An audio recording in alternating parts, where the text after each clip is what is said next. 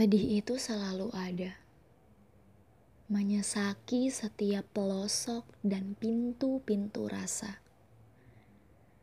Tidak tahu bagaimana signifikannya. Kami bahkan tidak saling berkata-kata.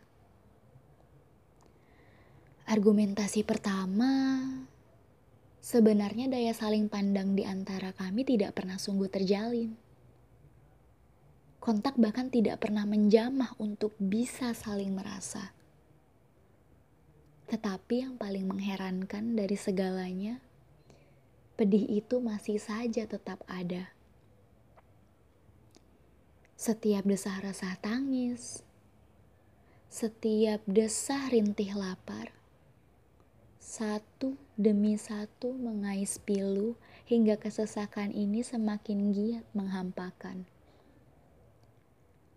Aku tidak pernah tahu apa alasannya.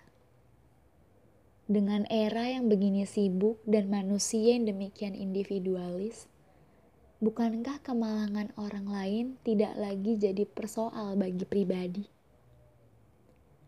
Anehnya aku malah sibuk dengan urusan mereka. Yang kata para manusia sejahtera itu sama sekali bukan isu untuk diperdebatkan. Kata mereka, seharusnya kita sibuk saja dalam membangun dunia, memajukan peradaban, mengoptimalkan teknologi, hingga manusia saling berlomba untuk jadi yang pertama. Katanya begitu. Tetapi yang ingin ku pertanyakan, peradaban macam apa yang ingin dibangun kalau manusianya saja yang notabene merupakan pion dalam peradaban itu sendiri? Tidak bisa sama rata dalam memberikan bantuan. Mengapa harus memandang seberapa banyak harta dan seberapa besar pengaruh untuk mengulurkan tangan? Mengapa harus mempertanyakan latar belakang bila hanya ingin berjuang dalam upaya kemanusiaan? Aku masih heran dengan hidup.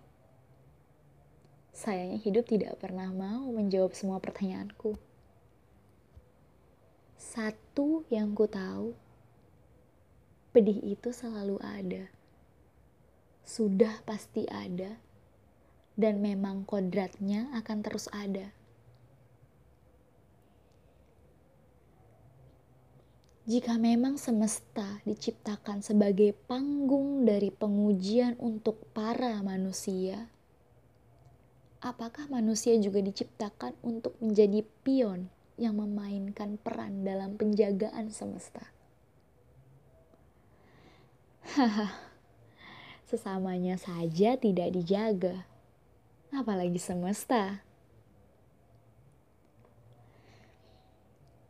Dari netra yang hanya bisa menatap, dari wicara yang ditatap bungkam, dari jemari yang disuarakan kata.